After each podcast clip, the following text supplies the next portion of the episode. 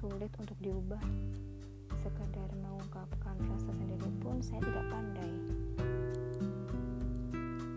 Jadi, jika saya suka, sayang, bahkan cinta sama seseorang pun gak pernah saya sampaikan. Cukup dipendam dan disimpan sendiri.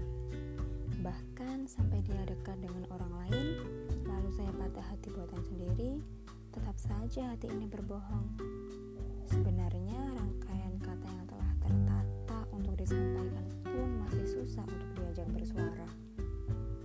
Saya melewatkan kesempatan itu.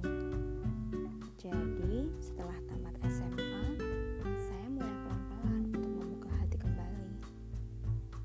Di sini saya tidak akan menceritakan soal percintaan sewaktu masih sekolah. Ya, menurut saya kisah asmara waktu itu hanyalah main-main. Kisah cinta anak sekolah yang masih labil dan tidak tahu mau dibawa ke mana.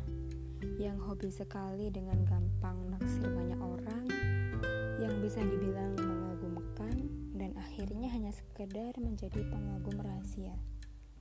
Istilahnya, falling in love with someone who can have. Lihat bagaimana cinta menertawakan kita. Saya punya pengalaman baru yang unik. Bisa dibilang pengalaman yang saya tuangkan dalam sebuah tulisan di buku dan dia saya jadikan pemeran utamanya. Jadi, selepas saya menutup hati rapat-rapat supaya tidak dihancurkan untuk kedua kali, saya menyukai seseorang. Dia beda dengan yang pernah saya temui. Dia baik, tapi sedikit terbawa perasaan. Penyuka novel seperti saya juga. Seseorang yang saya pikir bisa menghargai saya sebagai perempuan. Seseorang yang benar-benar membuat saya untuk membuka hati kembali. Dan akhirnya, saya memilih diam. Dia menyimpan perasaan saya pada dia waktu itu. Dipikir-pikir lucu juga. Sudah berani suka tapi nggak berani bilang. Karena satu alasannya, Gak mau kedekatan saya dengan dia hancur cuman gara-gara dia tahu perasaan saya. Dan kayaknya ini masalah sederhana yang hampir semua orang terjebak dalam situasi rumit ini. Padahal ini masih awal. Tapi jika waktu itu saya langsung bilang di depan mukanya, mungkin saya tidak bisa menulis sampai sekarang. Mungkin juga cerita saya berhenti pada waktu itu. Menyedihkan bukan?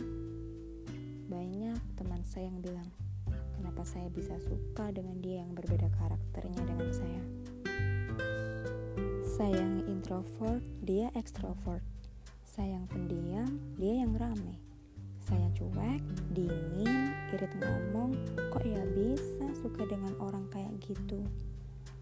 Tapi yang namanya rasa Gak bisa dicegah apalagi dipaksa. Ini benar-benar unik. Hal yang aneh pada diri saya justru menurut dia unik.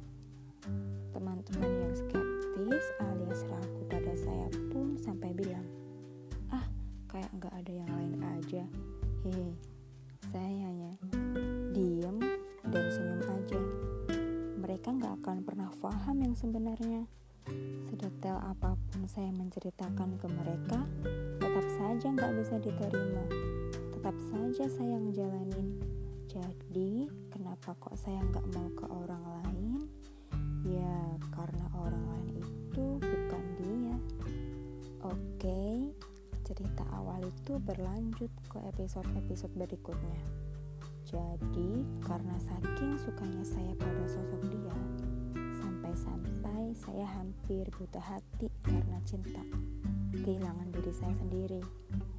Suatu waktu saya langsung tersadarkan, ya, saya tidak menyadari seseorang, bukan saya sendiri yang menyukainya, juga bukan hanya saya yang dekat dengan dia. Orang lain yang saya tidak kenal pun juga berhak menyukai orang yang saya suka.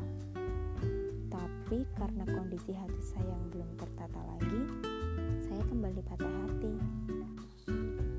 Tapi kali ini saya patah hati buatan sendiri. Dia memang belum menjadi siapa-siapa saya.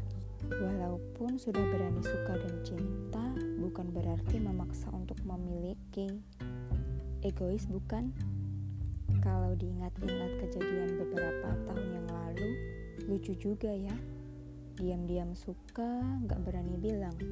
Akhirnya ketika tahu dia ternyata sudah dengan yang lain, patah hati sendiri. Parahnya, saya hampir mengutuk diri saya sendiri. Kesalahan yang bukan murni karena dia, tapi diri saya. Saya yang telah berbuat kesalahan sendiri. Cuman bisa nangis, nangis sendiri tanpa dia tahu. Itu terserah dia tahu sebenarnya atau tidak. Berbagi keluh kesah ke teman terdekat, berharap bisa segera membaik kembali kondisi hati saya. Setelah itu? Dengan gampangnya dia bilang, Ya sudahlah, orang kayak dia udah ketebak, mending kamu cari yang lain yang lebih baik dari dia. Hehe. Seburuk-buruknya dia, saya tidak bisa membencinya. Nyatanya, tetap saja saya selalu gagal dalam mengolah rasa. Sampai pada titik terendah, secara sengaja saya mengubur perasaan itu dalam-dalam bukan karena disakiti atau menyakiti, tapi karena terlalu takut ketika saya mencintai tapi tidak mampu memiliki. Dan di tengah cerita itu, saya sudah mencoba membencinya tanpa sebab. Namun faktanya, cinta semakin menyeruak. Seperti apa pun itu, saya ingin tetap menjadi orang baik. Akhirnya saya sampai pada fase di mana saya mikir gimana saya bilang ke dia langsung tanpa dia dengar. Satu-satunya jalan keluar adalah kembali menulis. Sebab saya pikir cerita saya ini justru perlu dituangkan dalam sebuah tulisan. Saya ingin jika suatu saat karya saya berhasil terbit, orang lain bisa mau berbagi cerita juga seperti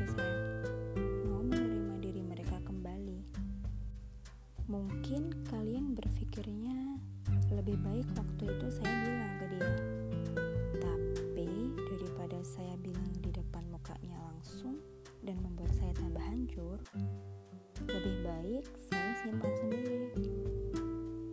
Cukup menjadi pelajaran untuk saya. Karena menyimpan sesuatu sendiri itu merupakan sebuah tantangan yang besar. Kenapa? Jika sampai cerita itu ketahuan banyak orang, maka cerita saya dan dia gak akan seseru sekarang.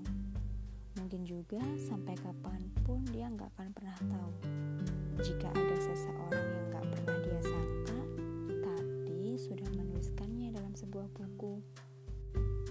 Kata mereka, cinta itu harus tulus. Kalau sudah memberi, gak perlu minta imbalannya. Kalau gak pernah diberi, harus tetap baik sebagaimana terhadap sesama manusia karena memang gak semua rasa langsung ketemu sama pasangannya perlu proses yang panjang dan pendewasaan diri gak apa-apa deh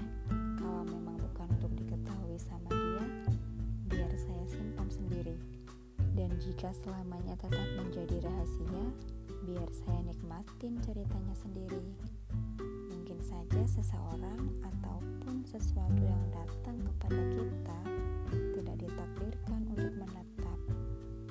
Ada dua kemungkinan, sesuatu datang untuk memberi luka ataukah datang untuk memberi bahagia. Semua tergantung pada bagaimana kita bisa mengaturnya. Mengatur tentang yang terbaik untuk diri kita. Ketika hal yang tidak saya inginkan itu terjadi, kecewa pasti, sedih apalagi. Namun jangan sampai keadaan itu membuat kita mengatakan stop untuk berbuat baik, terutama pada orang yang telah menyakiti. Jadi, untuk kalian yang sedang menyimpan rasa seperti cerita saya ini, sampaikan.